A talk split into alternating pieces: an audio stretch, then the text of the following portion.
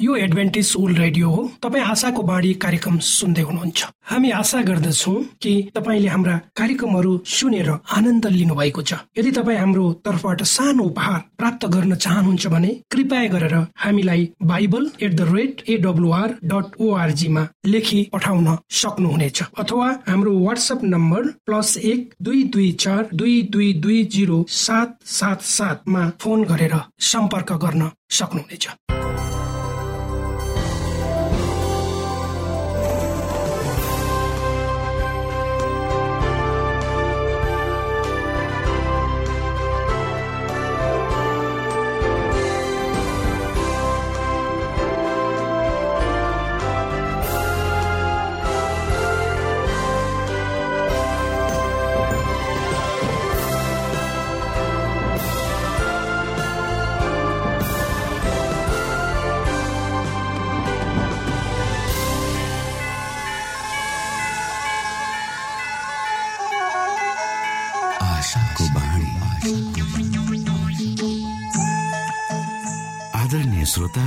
नमस्कार। यो समय तपाईँ एडभेन्टिस्ट ओल्ड रेडियोको प्रस्तुति भोइस अफ होप आशाको बाणी कार्यक्रम सुन्दै हुनुहुन्छ। कार्यक्रम प्रस्तुता म रवि यो समय तपाईँको साथमा छु। तपाईँकै आफ्नै प्रिय कार्यक्रम आशाको बाणीमा यहाँलाई हामी न्यानो स्वागत गर्दछौ। आउनु श्रोता यो मधुर भजनसँगै हामी हाम्रो मुख्य कार्यक्रम तर्फ लागौं।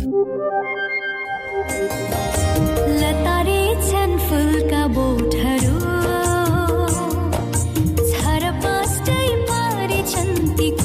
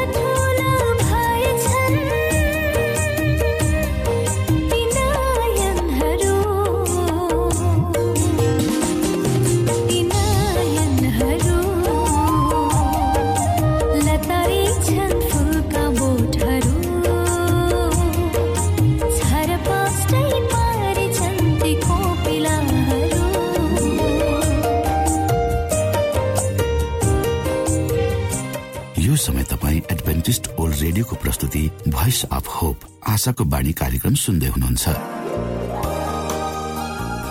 तपाईँ आशाको बाणी कार्यक्रम सुन्दै हुनुहुन्छ। हामी आशा गर्दछौ कि तपाईँले हाम्रा कार्यक्रमहरू सुनेर आनन्द लिनुभएको छ। यदि तपाईँ हाम्रो तर्फबाट सानो उपहार प्राप्त गर्न चाहनुहुन्छ भने कृपया गरेर हामीलाई Bible at the rate AWR dot ओआरजीमा लेखी पठाउन सक्नुहुनेछ। अथवा हाम्रो वाट्सएप नम्बर प्लस एक दुई दुई चार दुई दुई दुई जिरो सात सात सातमा फोन गरेर सम्पर्क गर्न सक्नुहुनेछ।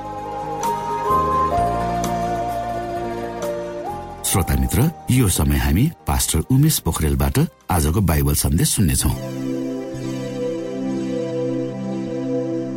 श्रोत साथी न्यानो अभिवादन साथ म तपाईँको आफ्नै आफन्त अर्थात् पास्टर उमेश कुमार पोखरेल परमेश्वरको वचन लिएर यो रेडियो कार्यक्रम मार्फत तपाईँहरूको घर आँगनमा पुनः उपस्थित भएको छु। मलाई आशा छ परमेश्वर को हुनुहुन्छ र उहाँले तपाईँको जीवनमा कसरी परिवर्तन गर्दै हुनुहुन्छ भन्ने कुरो तपाईँले अनुभूति आफै गर्दै हुनुहुन्छ। र तपाईँको लागि हामी निरन्तर प्रार्थना छौँ आउनुहोस् आज पनि केही समय हामी परमेश्वर सँगसँगै बिताउँछौँ। आजको प्रस्तुतिलाई भन्दा पहिले आउनुहोस् म परमेश्वरमा अगुवाईको लागि बिन्ती राख्नेछु। जीवी जिउँदो महान दयालु परमेश्वर प्रभु हामी धन्यवादी छौँ यो जीवन र जीवनमा दिनुभएका प्रशस्त आशिषहरूको लागि। प्रभु यो रेडियो कार्यक्रमलाई तपाईँको हातमा राख्दछु।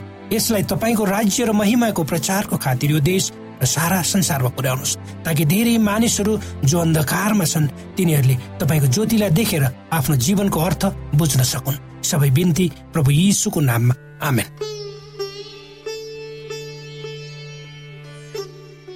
श्रोत साथी आजको प्रस्तुतिमा म प्रभु यीशु क्रिस्टको शिक्षालाई लिएर तपाईँको बीचमा उपस्थित भएको छु। जब प्रभु यीशु क्रिस्ट यो संसारमा हुनुहुन्थ्यो उहाँले आफ्नो सेवाकाईको क्रममा विभिन्न ठाउँहरूमा गएर मानिसहरूलाई शिक्षा दिनुभयो।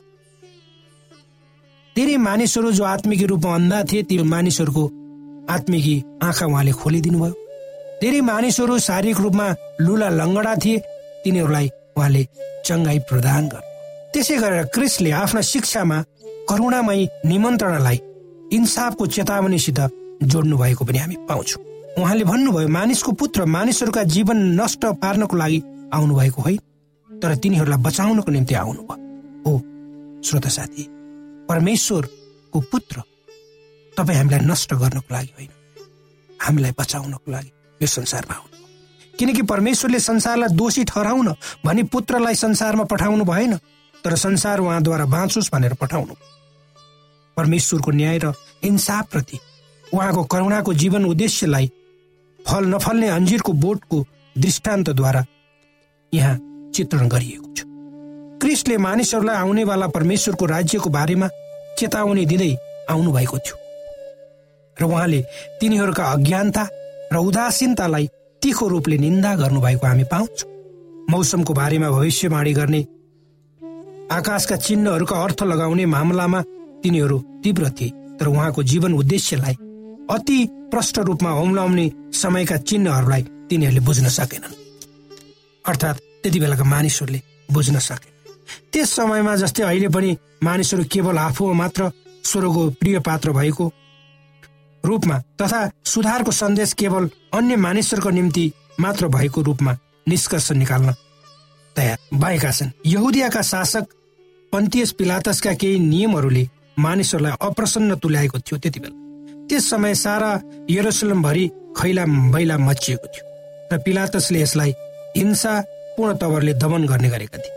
कुनै एक समय उसका सेनाहरूले मन्दिरको सिंहासनसम्मै आक्रमण गरेका थिए र बलि चढाउँदै गरेका गालिली तीर्थयात्रीहरूको हत्या पनि गरेका थिए। यौदीहरूले पीडा भोग्ने व्यक्तिको पापकै कारण उसको जीवनमा विपत्ति आइपर्नेछ भन्ने धारणा राख्दथे। यस हिंसाको बारेमा बताउने मानिसहरूले गुप्त सन्तुष्टिका साथ त्यसरी बताउँथे। तिनीहरूले आफ्नो दृष्टिकोण मुताबिक आफ्ना भाग्य गालिलीहरूभन्दा धेरै असल भएको कारण स्वयं आफैलाई परमेश्वरदेखि अझ बढी मात्रामा निगाह प्राप्त जनहरूको रूपमा ठान्दथे। तिनीहरूले ती मानिसहरूप्रति क्रिसदेखि निन्दाका वचनहरू सुन्ने आशा राखेका थिए जो तिनीहरूका दृष्टिकोणमा निस्सन्देह तिनीहरूबाट दण्ड पाउने योग्यका थिए। क्रिस्टका चेलाहरूले आफ्ना गुरुको राय नसुनेसम्म आफ्ना विचार व्यक्त गर्ने साहस नगरेनन् उहाँले तिनीहरूलाई अन्य मानिसहरूका चरित्रमाथि फैसला गर्ने र तिनीहरूका सीमित बुद्धिद्वारा प्रतिकार मापन गर्ने विषयमा तीको शिक्षा दिनुभएको थियो। तैपनि तिनीहरूले ती मानिसहरू अन्य सबै मानिसहरूभन्दा बढी पापी हुन् भनी क्रिसले निन्दा गर्नुभएको देख्न चाहन्थे। उहाँको जवाबप्रति तिनीहरूले ठुलो आश्चर्य प्रकट गरे। भिडतर्फ फर्कँदै मुक्तिदाताले भन्नुभयो क्रिस्टले भन्नुभयो तिनीहरूले यसरी कष्ट भोगे भन्दैमा के तिमीहरू ठान्दछौ? यी गालिलीहरू अरू सबै गालिलीहरू भन्दा बढी पापी थिए। म तिमीहरूलाई भन्दछु त्यसो होइन। तर तिमीहरूले प्रस्ताव गरेनौ भने तिमीहरू सबै त्यसरी नै नाश हुनेछौ। यी झस्काउने विपत्तिहरू तिनीहरूका हृदय नम्र तुल्याउन र तिनीहरूलाई आफ्ना पापदेखि प्रायश्चित गराउनको निम्ति रचिएका थिए। बदलाको हुरी मडारिँदै थियो। जुन क्रिस्टमाथि शरण नपाएका सबै मानिसहरूमाथि छिट्टै खनिनेवाला थियो।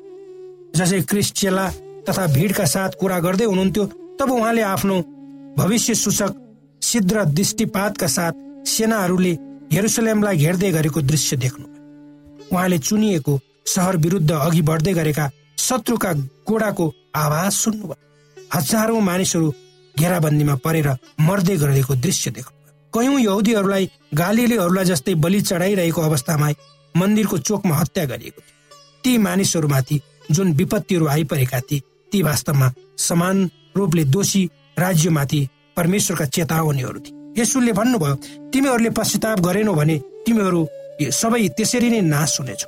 छोटो अवधिको लागि तिनीहरूमाथि परीक्षण कालको दिन थामिन पुगेको थियो। आफ्नो शान्तिको निम्ति आवश्यक पर्ने कुराहरूका बारेमा चाल पाउनको निम्ति तिनीहरूसँग अझ समय बाँकी थियो। उहाँले भन्नुभयो कुनै मानिसले आफ्नो दाखबारीमा एउटा अन्जिरको बोट रोपेको थियो। त्यस बोटबाट फल फल्यो भनेर त्यो आयो तर त्यसले मालीलाई भन्यो तीन वर्ष भयो तब त्यसले मालीलाई भन्यो तीन वर्ष भयो म अन्जिरको रुखमा फल खोज्दैछु तर पाउँदिन। यसलाई काटेर ढालिदिए यसले जमिन किन हो क्रिसका श्रोताहरूले उहाँको वचनको गलत अर्थ लगाएनन्।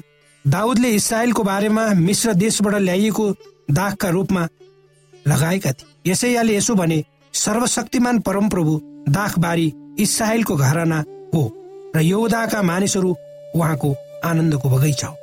जुन पुस्ताको निम्ति मुक्तिदाता आउनु भएको थियो त्यस पुस्तालाई परमेश्वरको दाखपारीमा भएको अन्जिरको बोर्डद्वारा प्रतिनिधित्व गरिएको थियो जुन उहाँको विशेष फिक्री र आशिषको घेरा भित्र थियो।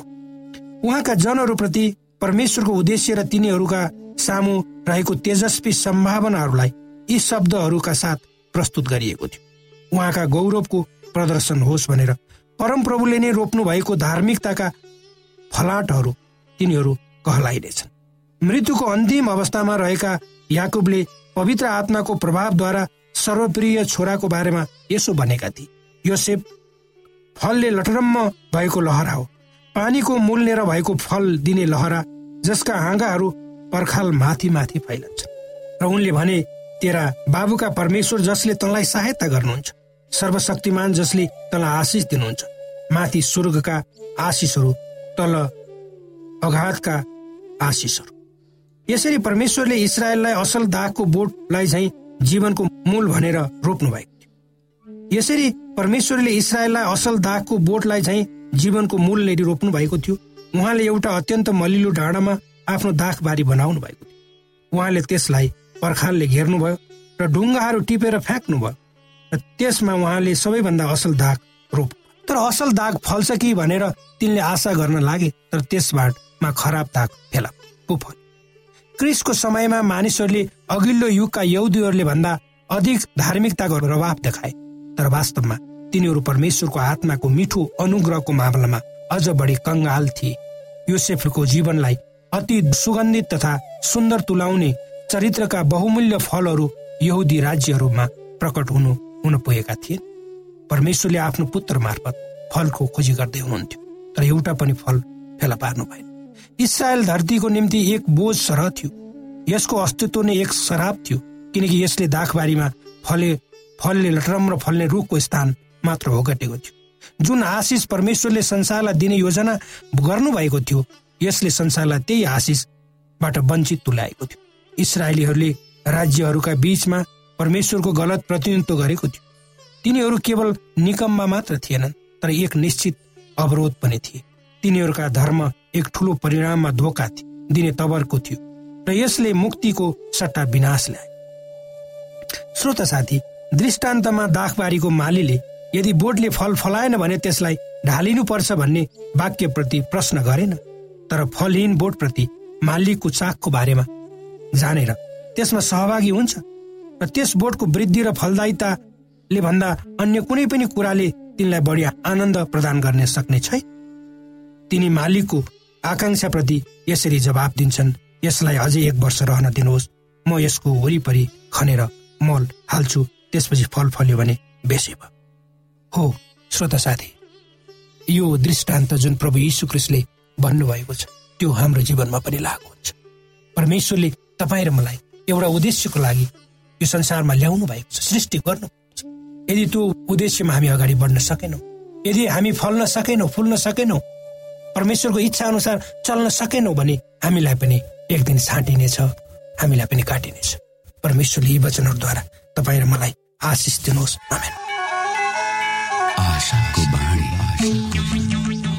श्रोता भर्खरै यहाँले पास्टर उमेश पोखरेलबाट बाइबल वचन सुन्नुभयो। यो समय तपाईँ एडभेन्टिस्ट ओल्ड रेडियोको प्रस्तुति भोइस अफ होप आशाको बाणी कार्यक्रम सुन्दै हुनुहुन्छ। कार्यक्रम सुनेर बस्नुहुने सबै श्रोतालाई हामी हाम्रो कार्यक्रममा स्वागत गर्न चाहन्छौ। श्रोता मित्र यदि तपाईँ जीवनदेखि हरेस खानु भएको छ तपाईँका जीवनमा धेरै अनुत्तरित प्रश्नहरू छन् भने आउनुहोस् हामी तपाईँलाई परमेश्वरको ज्योतिमा डोहोर्याउन चाहन्छौ। तपाईँ आफ्नो जीवनका चिन्ता फिक्रीबाट निश्चिन्त हुनुहोस् र बाँच्नुको आनन्द परमेश्वरको सामिप्यमा कति मिठो हुन्छ त्यो चाख्नुहोस् पनि हामी चाहन्छौँ। श्रोता यदि तपाईँ आशाको बाणी कार्यक्रमलाई अनलाइन सुन्न चाहनुहुन्छ वा डाउनलोड गर्न चाहनुहुन्छ भने ओआरजीमा जानुहोस्। त्यहाँ तपाईँले प्रत्येक दिनको कार्यक्रम सुन्न र डाउनलोड गर्न सक्नुहुनेछ। हाम्रो वेब पेज यस प्रकार छ। www.awr.org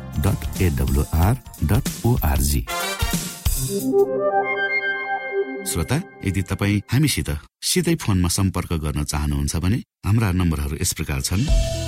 अन्ठानब्बे एकसाठी पचपन्न शून्य एक सय बिस। अन्ठानब्बे एकसाठी पचपन्न शून्य एक सय बिस र अर्को अन्ठानब्बे अठार त्रिपन्न पन्चानब्बे पचपन्न। अन्ठानब्बे अठार त्रिपन्न पन्चानब्बे पचपन्न।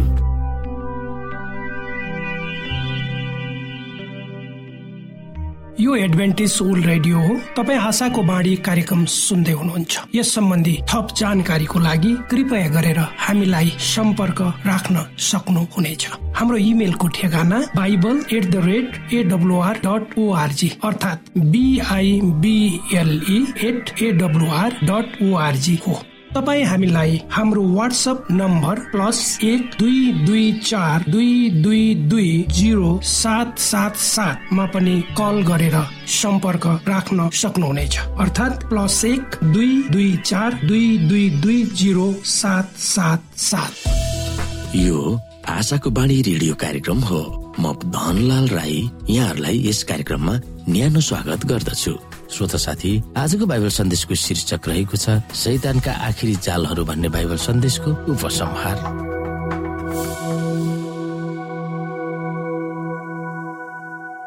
श्रोता साथी हामी आजको अध्ययन इजेकियल विष अध्यायको एकदेखि बिसबाट हेर्न सक्छौ। यहाँनिर लेखिएको छ हामी आफैले के पाठ सिक्न सक्छौ? पावलको भनाइलाई हामी यहाँनिर हेर्न सक्छौ। इजिकियल विषय देखाएको एकदेखि भाइ हो तिमीहरूले यो कुरा जान भनी म चाहन्छु कि हाम्रा पुर्खाहरू सबै बादल मुनि थिए र सबै समुद्रको बीचमा भएर गए। अनि मोसामा तिमीहरू सबैले बादल र समुद्रमा बत्तिसमा पाएका थिए। सबैले एउटै आत्मिक भोजन खाए सबैले आत्मिक पानी पनि पिए किनकि तिनीहरूका साथसाथै हिँड्ने आत्मिक चट्टानको पानी तिनीहरूले पिए।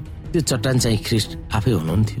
तापनि तिनीहरूमध्ये धेरै जसोसँग परमेश्वर प्रसन्न हुनु भएन र तिनीहरू मरुभूमिमा नष्ट भए तिनीहरूले जस्तै हामीले पनि खराबीको इच्छा नगरौँ भने यो कुरा हाम्रो चेतावनीको लागि हुन्। तिनीहरू मध्ये कतिले झै तिमीहरू मूर्ति पूजक नहो जस्तो लेखिएको छ। मानिसहरू खाना र पिउनलाई बसे अनि नाच्नलाई उठे।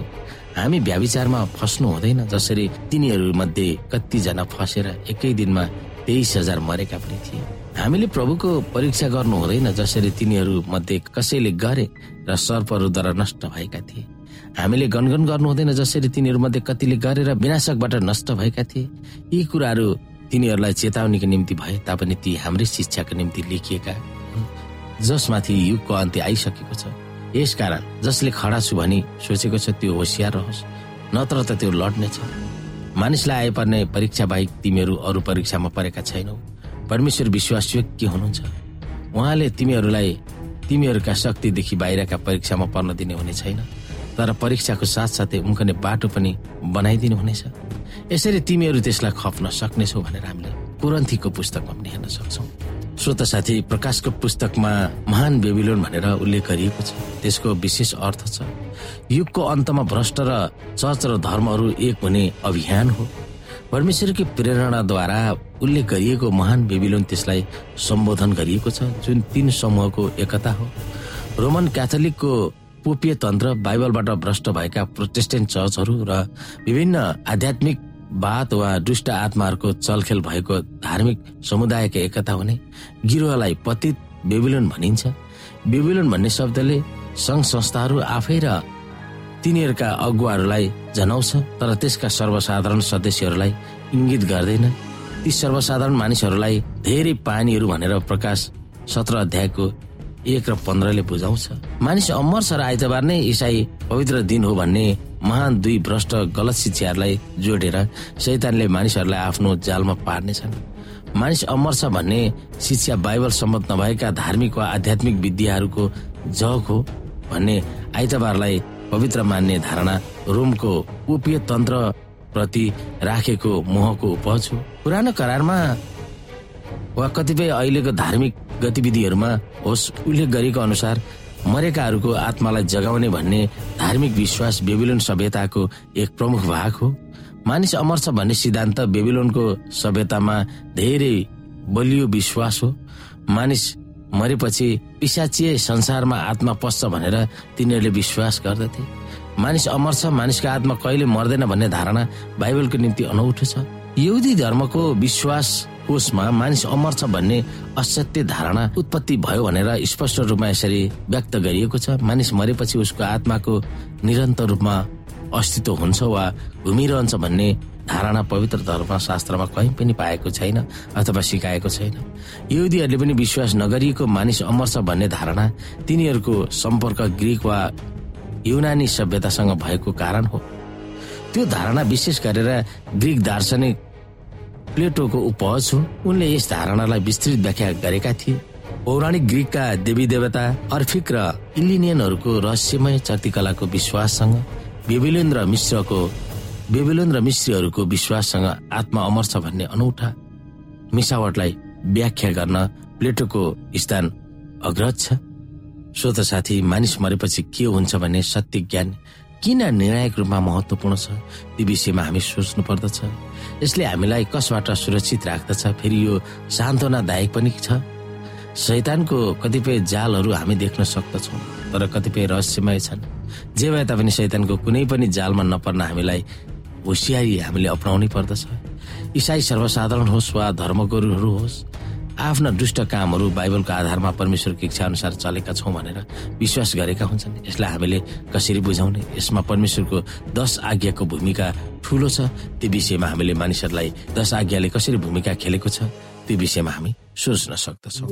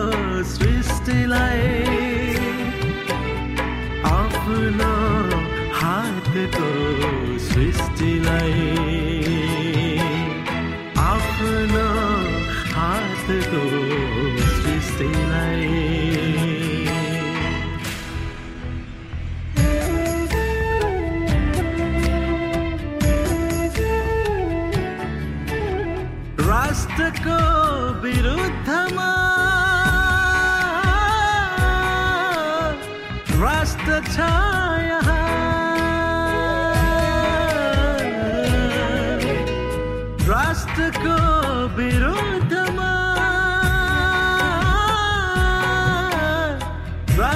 छ।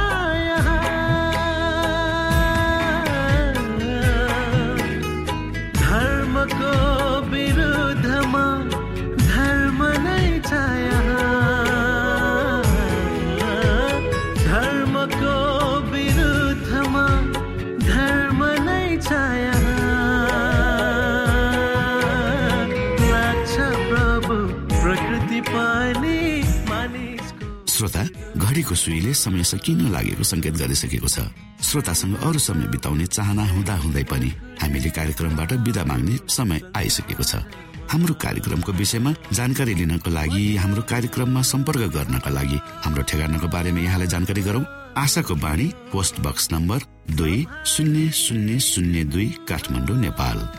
यसै गरी श्रोता यदि तपाईँ हामीसित सिधै फोनमा सम्पर्क गर्न चाहनुहुन्छ भने हाम्रा नम्बरहरू यस प्रकार छन्। अन्ठानब्बे एकसाठी पचपन्न शून्य एक सय बिस। अन्ठानब्बे एकसाठी पचपन्न शून्य एक सय बिस। र अर्को अन्ठानब्बे अठार त्रिपन्न पन्चानब्बे पचपन्न। अन्ठानब्बे अठार त्रिपन्न पन्चानब्बे पचपन्न। श्रोता तपाईँ हामीलाई इमेल पनि गर्न सक्नुहुन्छ। हाम्रो इमेल एड्रेस यस प्रकार छ। Nepal at AWR dot